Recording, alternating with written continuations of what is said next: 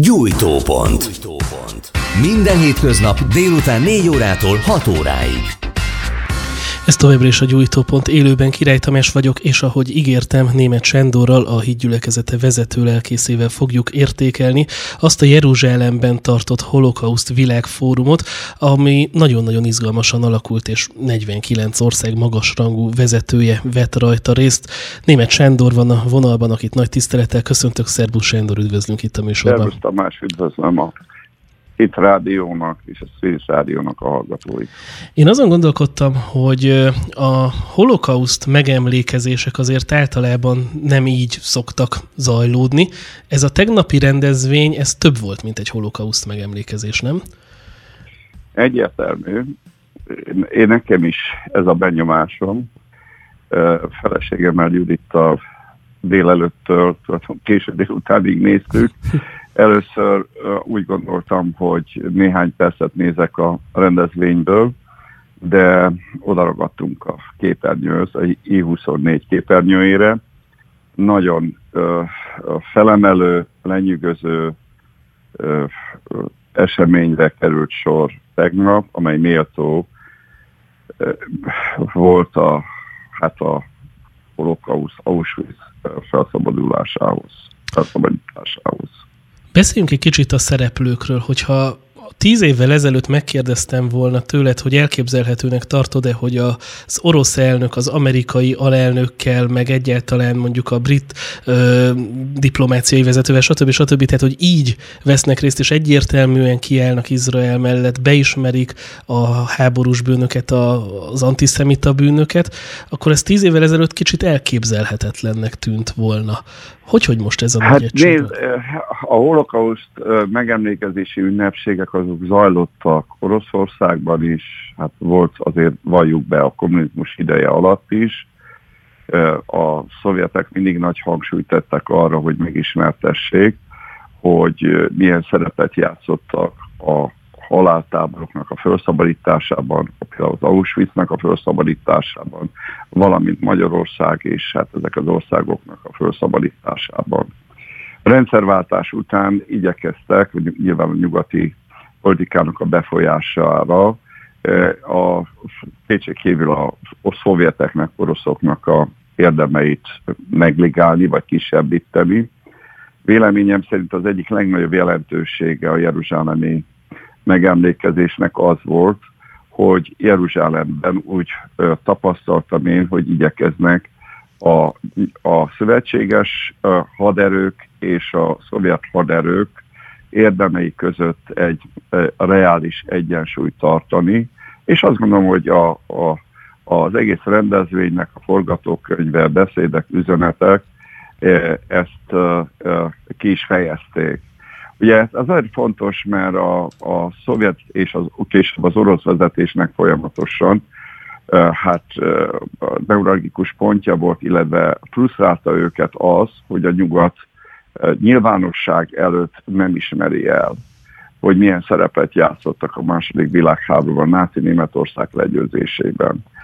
És hát nagy, nagyon nagy elégtételt és kártételt kapott Oroszország Putyin elnök Jeruzsálemben tegnap, és azt gondolom, hogy erre nagyon-nagyon égetően szükség volt a történelmi igazságosság szempontjából, mert kétség kívül hát el, évülhetetlen érdemei vannak a szovjeteknek, a szovjet hadseregnek a tevékenységé, a felszabadító munkájában, annak, hogy a zsidóság hát nagyon nagy veszteséget szenvedett el, ugye 6 millió áldozat nagyon nagy veszteség, a zsidóságnak az egyharmad része, és ilyen módon az Auschwitz, ahogy többször is elhangzott tegnap, az emberi gonoszságnak a szimbóluma, jelképe. És uh, ugye ezért tettek nagy hangsúlyt nyugati politikusok is, és Putyin elnök is, és hát Izrael oldaláról is kiváló szónoklatokat lehetett hallani, hogy hát rendkívül fontos meg, megelőzni, hogy még egyszer egy ilyen gonosz megtörténhessen a jövőben. Ami számomra egyébként szintén megdöbbentő volt, az az, hogy Benjamin Netanyahu miniszterelnök nagyon spirituális beszédet mondott, tehát nem ilyen materialista gondolkodású volt a beszédének az alapja. Kimondta, hogy Auschwitz a pusztítás, Jeruzsálem a feltámadás, Auschwitz a rabszolgaság, Jeruzsálem az élet. Ugye azt mondja, hogy Auschwitz nem csak a gonosz szimbóluma, hanem a zsidók gyengeségének a szimbóluma is. Megmutatta milyen, amikor nincs hatalmunk és föld földünk, most már van hatalmunk és pajzsunk. Tehát ezek azért olyan, és ugye Izsaiás gondolat, Izsaiásból vett idézettel zárta a beszédét. Tehát ez azt jelenti, hogy ő, ő is szakította polkorrekt beszéddel, és vállalta a spirituális beszédet. Ez is újdonság, még Izraelben hát, is. Én úgy értelmezem ezeket a mondatokat, meg más mondatát is, hogy abban ugye egyrészt nagyon erőteljesen benne van a judaizmus reménysége, amely Jeruzsálemhez kötődik, Jeruzsálemtől a zsidó reménység elválaszthatatlan. Másrészt ezzel összekapcsolta a mostani erős zsidó államot, amely nem csak az ott élő zsidók és izraeli állampolgárok megvédésére képes, hanem bárhol ha éri a zsidóságot atrocitás, az, a zsidó állam, illetve a Izrael kormánya képes ma védelmet nyújtani a zsidóság számára. Annak ellenére, hogy tudjuk, ez is szintén több szónok részéről elhangzott, hogy mai időnkben, tehát ezekben a napjainkban igenis az antiszemitizmus feléledéséről lehet beszélni, Európában, és sajnálatos módon kellemetlen meglepetés Egyesült Államokban is. És ugye ez különösen nagyon nagy súlyt adott ennek a rendezvénynek. Egyébként a rendezvény nagyon professzionális a módon volt megrendezve, a bejátszások, a képek, a dokumentumok szintén nagyon nagyszerű háttéranyagot adtak, hogy ez a megemlékezés, ahogy mondtad te, több legyen megemlékezésnél. Én szinte nagyon fontosnak tartom, hogy bizonyos oktatási intézményekben ezeket a besz- több beszédet, például a Putyin elnöknek a beszédét, Netanyahu-nak a besz- úrnak a beszédét, most a, a, a, a, a Kantor beszédét, akkor a, a angol uh, trónörökösnek, Károly Herszegnek a beszédét, Mike, nem tudom, Mike Pence-et mondtam. Tehát ezeknek a beszédét, ezeket az üzeneteket is természetesen fontos megismerni a amit én azért úgy gondolom van vele kapcsolatos a hiányérzetem a Macron úrnak hmm. és a német elnök. Hát nem érzett túlzásnak azt, hogy egybe mossa az a Macron esetében nem érzett túlzásnak, hogy egybe mossa az idegen gyűlöletet és az antiszemitizmust? A Macron úr? Igen, igen, igen. De ott voltak masszatolások és mellébeszélések. Nem tartottam azt a beszédet olyan hitelesnek, mint például ugye akár a Putyin részéről, akár Izrael részéről, akár Egyesült Államok részéről, a Pence úr részéről, ami elhangzott, egy kicsit csapongó volt az a beszéd, és nem éreztem benne azt a uh, szellemi uh, erkölcsi súlyt, megvendítő hatású nem volt annak a beszédnek, mint ott számos beszédnek eh, viszont megvolt.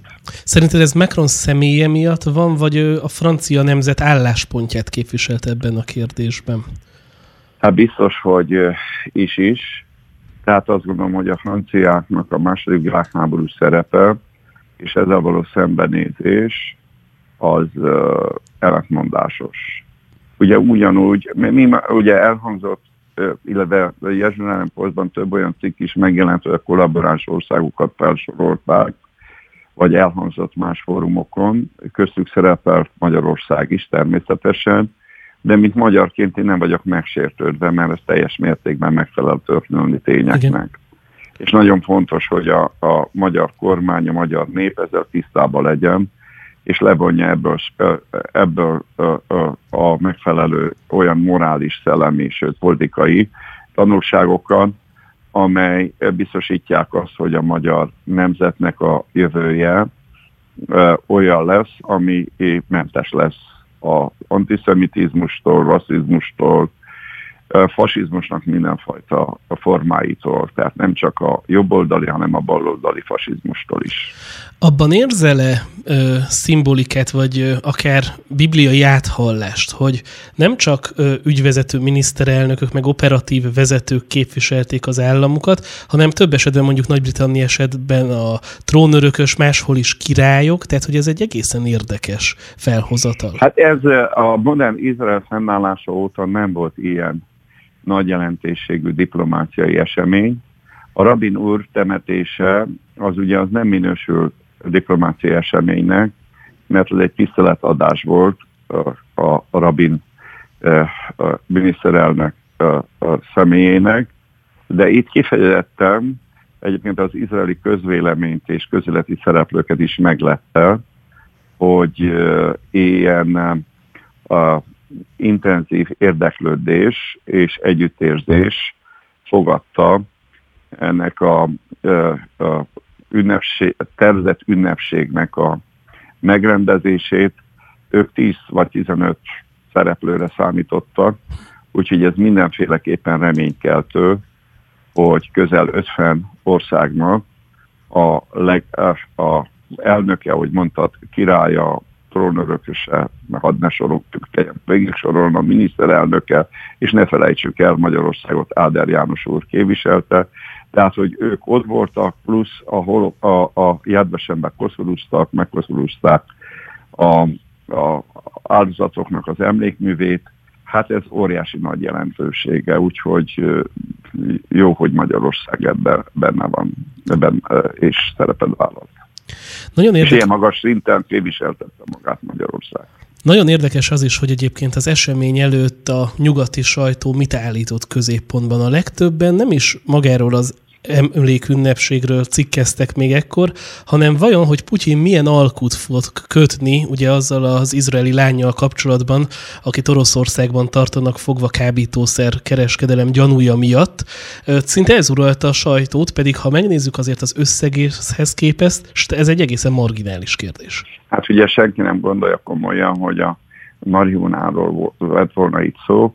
Én véleményem szerint egyértelműen itt uh, arról van szó, hogy egyes a Oroszországnak milyen a kapcsolata Iránnal, és tudjuk, hogy Irán, ahogy ez elhangzott, az amerikai részről is, és különösen Netanyahu részéről, hogy Irán jelenti a legnagyobb veszélyt közel-kelet béke számára, illetve hát béke nincsen közel már hosszú-hosszú évek, évtizedek óta, illetve nem csak Irán, nem csak a, a közel-keleti országokat veszélyezteti, hanem én is úgy gondolom, hogy a világ békéjét is veszélyezteti. Nem szabad megengedni, hogy atombombája legyen. Nos, Iránnak a legszorosabb szövetsége Oroszország. És ugye Oroszország a szíriai polgárháborúban szerepet vállalt az Assad elnöknek a megvédésében, és ez sikerült is, hát gyakorlatilag Assad elnök az orosz hadseregnek köszönheti, hogy ezt a polgárháborút megúszta, és nem került Kadhafi sorsára. Nagyon megnőtt Iránnak a befolyása Irakban, főleg Dél-Irakban, de ugye az iszlám állam elleni harcban ö, olyan iraki ö, haderők vagy ö, felfedezett seregek is részt vettek, ami síta alapúak, tehát erőteljesen kötődnek Iránhoz, és a szellemi vezetőik is iráni, iráni befolyás alatt áll. Valamint az iraki kormány is. Tehát a, a Iránnak nagyon megnőtt a szerepe. Akkor itt most még nem beszéltem a Hezbollah fölfegyverzéséről. És ugye az elmúlt években óriási, illetve hónapokban pontosabban Izrael többször is nyilvánvalóvá tette, hogy nem fogja tűrni, hogy Irán egy hadállást épít ki a Libanon északi, a Hezbollán keresztül, illetve az izraeli határ keleti oldalán, tehát a észak-keleti oldalán, tehát a Szíria felől. És ugye ez, ezek a, a, a problémákat Izrael csak úgy tudja megoldani, hogyha Putyinnal kiegyeznek, illetve ez megtörtént már, Putyin és Netanyahu óta, Netanyahu-val, Putyin és Netanyahu úr között már régóta barátság van, de azt gondolom tegnap szintemeltek a, ebben a barátságban, hogy ennek milyen közép és hosszú távú hatása lesz, ez nagy kérdés, de mindenféleképpen Oroszország nem, nincs könnyű helyzetben, mert labiroznia kell a két fél között. Valószínű, hogy vissza fogja fogni Iránt hosszú ide, vagy egy darabig. Aztán mi lesz a jövő? Hát tudnék ezzel kapcsolatosan proféciákat mondani, de hát ezt most talán ezt ne hozzuk Örüljünk elő. a sikereknek. Így van, örüljünk annak, hogy idő lett nyerve, mert Oroszország nagyon nagy nyertese volt, illetve Putyin úr nagyon nagy nyertese volt a tegnapi napnak. Egyébként... A kommunikáció szempontjából is, ugye szerintem akik azt látták, és akik ezt, ezzel szembenéznek józanul, reálisan, egyszerűen a Putyinnak a kriminalizálása okafogyott lett. És őszinte volt tegnap, tehát az a rész, amit már nem papírból mondott. Hát, amit például a Leningrádi emlékmű avatáson hát olyan megrendítő volt a Putyin, látta, ugye, ugye a bátyja három éves korában halt meg a Leningrádi ostromnál, az édesapja részt vett a Leningrádi védelemben, és ugye hát számomra is tegnap vált nyilvánvalóvá, hogy a Putyin úr számára mennyire fontos a háborús emlékműveknek a megőrzése, fölállás, fölállítása, és ugye ez volt tulajdonképpen a, át, a, az Izraellel való kapcsolatjavításnak az egyik legfontosabb feltétele, hogy Izraelben eh, hozzanak létre egy olyan emlékművet, amely a vörös hadseregnek az áldozatvállalása mellett tiszteleg. Ez megtörtént néhány évvel, és ezután Putyin és Netanyahu-nak a kapcsolata nagyon jó lett. Most tegnap újra, most Leningráddal kapcsolatosan lett egy ilyen emlékmű felállítva, és hát látszott a képernyőn a Putyin és a, a Uron is, és az orosz küldöttségen is, hogy elégedettek. Tehát egy kárportlás ez számukra.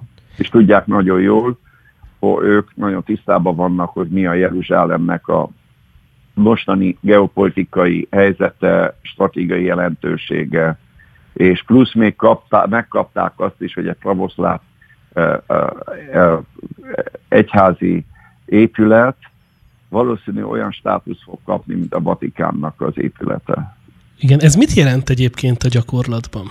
Hát az, hogy hát gyakorlatilag az orosz államnak a fennhatósága alá hm. kerül. Ez, ez egyébként fontos, vagy ez egy szimbolikus dolog inkább? Hát ez egy nagyon érdekes kérdés, különösen a jövőben fog ezt kibontakozni nyilván ennek a jelentősége, de azt látjuk, hogy újra ragaszkodnak a nagyhatalmak a jeruzsálemi jelenlétükhöz. Ragaszkodik ugye Vatikán, ragaszkodik Franciaország, ugye van.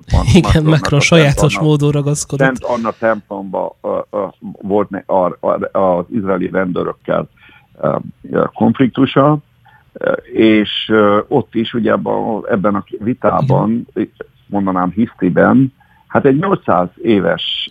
Ugye a francia kormány tulajdona a Szent Anna templom egyébként. Hát eredetileg ugye a francia templomosok építették, aztán majd a muszlimok kezébe került, a muszlimok ez iskolát tartottak fönt, és akkor a, a 19. század végén, mivel a franciák a törököket segítették az oroszok ellen a Krim háborúba, ezért ugye megkapták, e, a franciák visszakapták ezt a templomot, de hát, e, hogy mondjam, Szóval meglepő volt a Macron úrnak a reakciója, igaza van jogilag természetesen, de hát azért, e, hát azért mégis Izrael állomában van ez. Tehát az, hogy így, így néhány négyzetméterért ekkora nagy szenvedélyes küzdelem zajlik már most Jeruzsálemben, és akkor még nem beszéltem a palesztinokról, jordániakról, és még más negyedek is vannak, illetve olyan szakrális épületek, amelyek más egyházhoz kötődnek. És nem beszéltünk akkor még a béketervről, akkor talán nyissuk meg ezt a topikot is, mert hogy elvileg jövő héten bemutathatják Washingtonban. A... De még az se lehetetlen, hogy még ma este is kapunk róla információt, hírt. Ilyen is van. Hát nyilván vannak híresztelések, ahogy levettem a metakommunikációból, ugye tegnap este még egy nagyon nagy jelentésű esemény történt, hogy Pence, a, el, a elnök helyettes úr lement, a, illetve felment a siratófalhoz, a nyugati falhoz, ott imádkozott és beteszett cédulát a falba. És ráadásul nem úgy, hogy ö, ö, csak amerikai küldöttség vett volna ott részt, ugye már egészen más lett volna a jelentés tartalma, hanem Netanyahu úrnak, Izrael miniszterelnökének a kíséretében ment oda, és ott volt az amerikai nagykövet is. Ez egyértelműen azt bizonyítja, hogy a Egyesült Államok kormánya de facto elismeri, hogy a, ó, a zsidó negyed és a templomhegynek ez a része Izraelhez tartozik, Izrael államához tartozik. Másképpen a Netanyahu nem kísérhette volna el. Hm. Hát meg ráadásul egy salamoni hagyományra, ö, ígéretre hivatkozva imádkozik nyilvánvalóan a nyugati falnál, nem? Igen. Ez mindenképp nagyon érdekes ebből a szempontból, hát még ezt nem gondoltam. Hogy... ember, nagyon tiszta, őszinte beszédet mondott ő is, és látszott, utána még tartottak egy sajtótájékoztatót, illetve beszélgetést a sajtó előtt, látható, hogy olyan lelki, érzelmi, ideológiai kötelék van. Izrael Egyesült Államok, Netanyahu és a Trump kormányzat között, amelyre talán soha nem volt példa ilyen barátságra Egyesült Államok és Izrael között.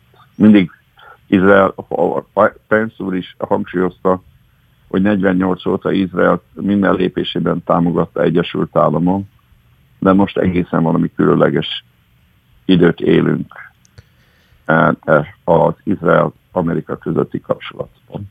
Sokkal őszintébb ez a barátság, mondjuk az Obama adminisztrációhoz. Igen, képest. nem csak politika van benne, és nem csak gazdasági, pénzügyi érdek, meg hát nyilvánvalóan a, a, ugye tudjuk, hogy Amerikában élnek a diaszpora zsidóságnak a, a döntő többsége, és nem csak az ő befolyásuknak tudható ez a barátság, hanem van egy nagy világnézeti, spirituális értékközösség a Netanyahu kormánya és a Trump adminisztráció között. Szerinted ez egyébként az isteni üdvrendnek a része, hogy van még egy ilyen kegyelmi állapot a világban? Igen, az egyértelműen állítható, hogy kegyelem ideje tart még, de újra mondom, régóta tart a kegyelem korszaka, de egy új fejlemény, egyrészt az modern Izrael államának a létezése, másrészt a mostani változásoknak a sorozata, ami a 67-es háború utáni státuszkónak, vagy illetve igen, a, meg, a vet véget, mert ugye 67-es háború óta állandóan megszállt területekről beszélnek, és állandóan mm. a, a Izraelt től azt követelték, hogy térjen vissza a 67-es határok mögé. Na most az amerikai politika ez úgy tűnik, hogy teljesen megváltoztatja ezt a szempontot, teljesen új szempontra alapítja a Izrael való kapcsolatos politikáját, és hát ez egy nagy kérdés, hogy ehhez a világ hogy fog igazodni. Világnak melyik része, melyik része nem. Ebből Tehát akár egy komolyabb konfliktus is lehet, vagy egy megegyezés. És ugye elvileg... Minden benne van. Uh-huh. Minden lehetőségre kell számítani. Ugye elvileg a béketerv Én szerint... azt gondolom, hogy közel nyilvánvalóan, hogy ha például be fogják jelenteni, most, hogy Jeruzsálem teljes területe felett az Izrael állam rendelkezik. Ez azt jelenti, hogy a templom hegy felett is? Izrael fővárosa, hát ez most is megvan. Uh-huh csak ugye a kezelési, úgy mondom, a használati jog a Jordán királyé, vagy Jordániáé, az meg átadta ugye a palesztin hatóságnak. Tehát ö, ö, nyilván meg kell nézni, hogyan reagálnak rá. Hát előre lehet látni nyilvánvalóan, hogy a se a palesztin hatóság, se Jordánia, különösen nem Irán és Szíria sem fogja ezt a döntéseket ezt a döntést jó szemmel nézni, tehát biztos, hogy az indulatok nagyobbak lesznek, a konfliktus élesebb lesz, de ennek ellenére azt gondolom, Izrael rendelkezik azzal a képességgel, hogy ezt tudja kezelni, és meg tudja akadályozni, hogy egy nagy átfogó katonai konfliktus jöjjön létre ez akkor jönne létre, ne hogy Isten, nem akarom az ördögöt a falba festeni, ha Irán és Törökország megtámadná Izraelt. Ez benne van szerinted, vagy azért uh, itt a megegyezésre törekednek? Mert ugye elvileg a palesztinok is kaphatnának egy kis területet, ha viszont elutasítják, Na, akkor lehet, hogy nem kapnak semmit. Boríté, azt borítékolni lehet, hogy nem fogják elfogadni. Uh-huh. Ők megközölték azt, ha Jeruzsálemet nem kapják meg, különösen a, nyugat, a a, a templomhegyet, akkor ők zsidó negyed felett is, is ők akarnak rendelkezni, akkor ők semmiféle béketárgyalásba nem fognak belemenni. De utána Izrael szabad kezet fog kapni. Ja, ez a, az meg az a lényeg, hogy Izrael fel fogja tartani a státuszkót. Biztos vagyok benne, hogy ö, ö, biztosítják a palesztinok számára, különösen azok, akik tudomásul veszik az új státusz, státuszt, Jeruzsálem státuszát, meg az egész uh, Izraelre vonatkozó megváltozó státuszt, azokat Izrael megmenekik támogatni fogja, biztosítja nekik a munkahelyet, megélhetést, és autonómiát is biztosít számukra, hát hiszen most is van a Knessetben több arab párt, most pontosan talán 12 vagy 14 uh, képviselőjük, illetve most nincs, de várhatóan annyian lesznek a parlamentben. Közben jött egy kérdés, hogy miért az Amerikai Egyesült Államok menedzseli a közel-keleti békefolyamatokat, és hogy érzi német Sándor ezt erőből, vagy pedig diplomáciával fogják megoldani a térségben? Én azt gondolom, a megoldás az a messiás kezében van. Én nem hiszem, hogy bármelyik nagyhatalom, vagy a jelenlegi Izrael meg tudja oldani az alapvető problémákat. Mert most ugye azt lehet látni, hogy bizonyos a mélyből, ahogy megoldanak egy problémát, úgy tűnik, hogy megoldják, de mélyből még nagyobb, még nagyobb megoldatlan probléma tör fel. És ez várható sajnálatos módon, hogy a judaizmus a különböző iszlám, muszlim irányzatok között nagyon nagy törésvonal van, mert mind a kettő nek a vallása földrajzi helytől is függő.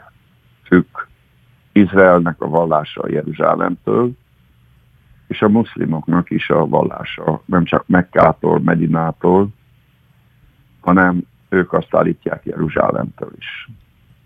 Tehát ezt, ezt, ezt a problémát én nem tudom, hogy ki tudja ezt megoldani. A békés egy, egy, egymás mellett élést meg lehet teremteni, de a kettő Azt meg lehet ellen, egyébként, szerinted? Persze, hogy meg lehet. Erre volt példa már a történelemben. A, a nyilván a, a érintett feleken múlik ez, de hogy ezt me, meg tudják oldani, abban én nem hiszek. Azon kívül akkor nem beszéltem mert a keresztény világról, amely rendkívül plurális, az evangéliumi keresztények közismerten elfogadják, hogy ez a kereszténység centruma a mennyei Jeruzsálem, és a földi Jeruzsálem pedig izraeli. Ezért ők nem azért zarándokolnak Jeruzsálembe, vagy építkeznek, vagy vesz, vásárolnak ingatlan, mert meg akarják változtatni Jeruzsálem státuszát, hanem azért, mert szellemi életet mert szeretnek ott lenni. Élni, és szeretik a várost is. De támogatják Izraelnek a nemzeti törekvéseit a Jeruzsálemmel kapcsolatosan. Egyébként ez is nagyon De... érdekes, hogy azért régen mondjuk a keresztes hadjáratok idején ez kicsit másként volt. Ez miért változott meg a kereszténység hát? Más Igen, mert ugye meg volt a, a, a helyettesítési teológia következtében ugye itt is érvényesült Jeruzsálem és Róma relációjában a helyettesítés elve, hogy Róma lépett Jeruzsálem helyére, és Róma lett a szellemi centrum, kereszténység centruma. Ez a katolikus felfogás. Nagyon sokan nem fogadták el ezt a, a, a álláspontot, de a nyugati eh, kereszténységgel, nyilván államhatalmi segítséggel sikerült elfogadtatni a nagy tömeggel e a helyettesítési teológiának ezt az állítását. Ezért, hogy ezt fel tartani, hogy Róma úgymond Jeruzsálem e, helyére lépett, ezért fontos volt, hogy Rómának meglegyen a fennhatósága Jeruzsálem felett. Ezt ugye muszlimok megtörték, illetve előtte Bizánccal volt probléma, problémája a nyugati egyháznak. Végül a, a muszlimokkal jött létre a háború, illetve a harcok, majd a keresztes háborúk, aminek pontosan az volt a célja, hogy ki birtokolja Jeruzsálemet. A nyugati világ, én, én megértem, hogy nem akarnak lemondani Jeruzsálemről, ez érthető, a kereszténységnek a szíve, szülőhelye Jeruzsálem, ott feszítették meg Jézus Krisztus, ott támadt föl, oda érkezett a Szentlélek, ott nép indult el az egyház, úgymond a világhódító útjára, most spirituális értelemben mondom elsősorban, de sajnos volt ennek militarista következménye is, ami elfogadhatatlan természetesen.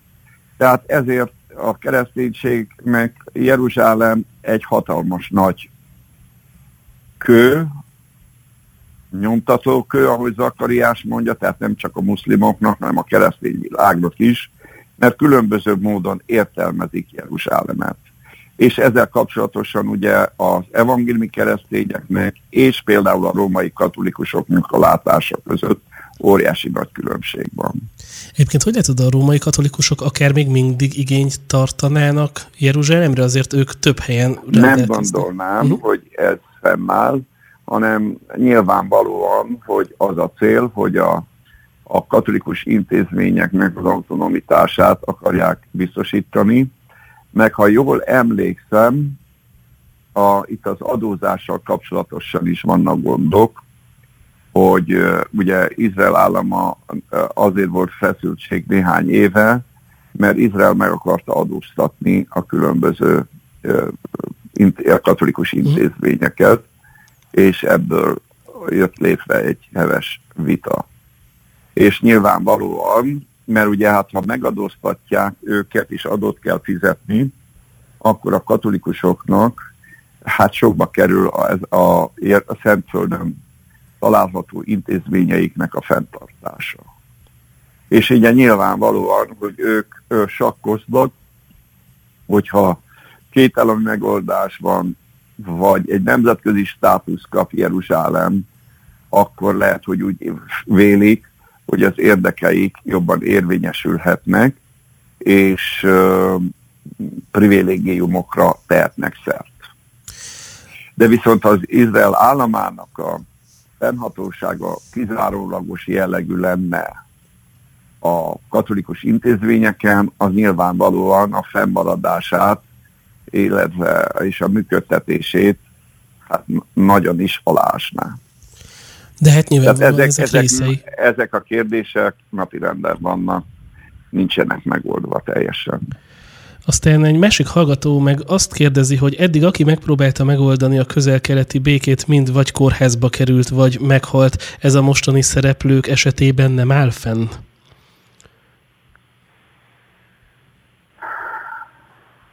Hát, én azt mondom, az irányvonat én kellene, kell nézni, tehát én is ezzel kapcsolatosan véleményt mondok, mert valóban a kérdező, amit felvesz, annak van reális alapja. És nem lehet biztosan állítani azt, hogy nem lesznek Jeruzsálemnek a jövőben is áldozatai.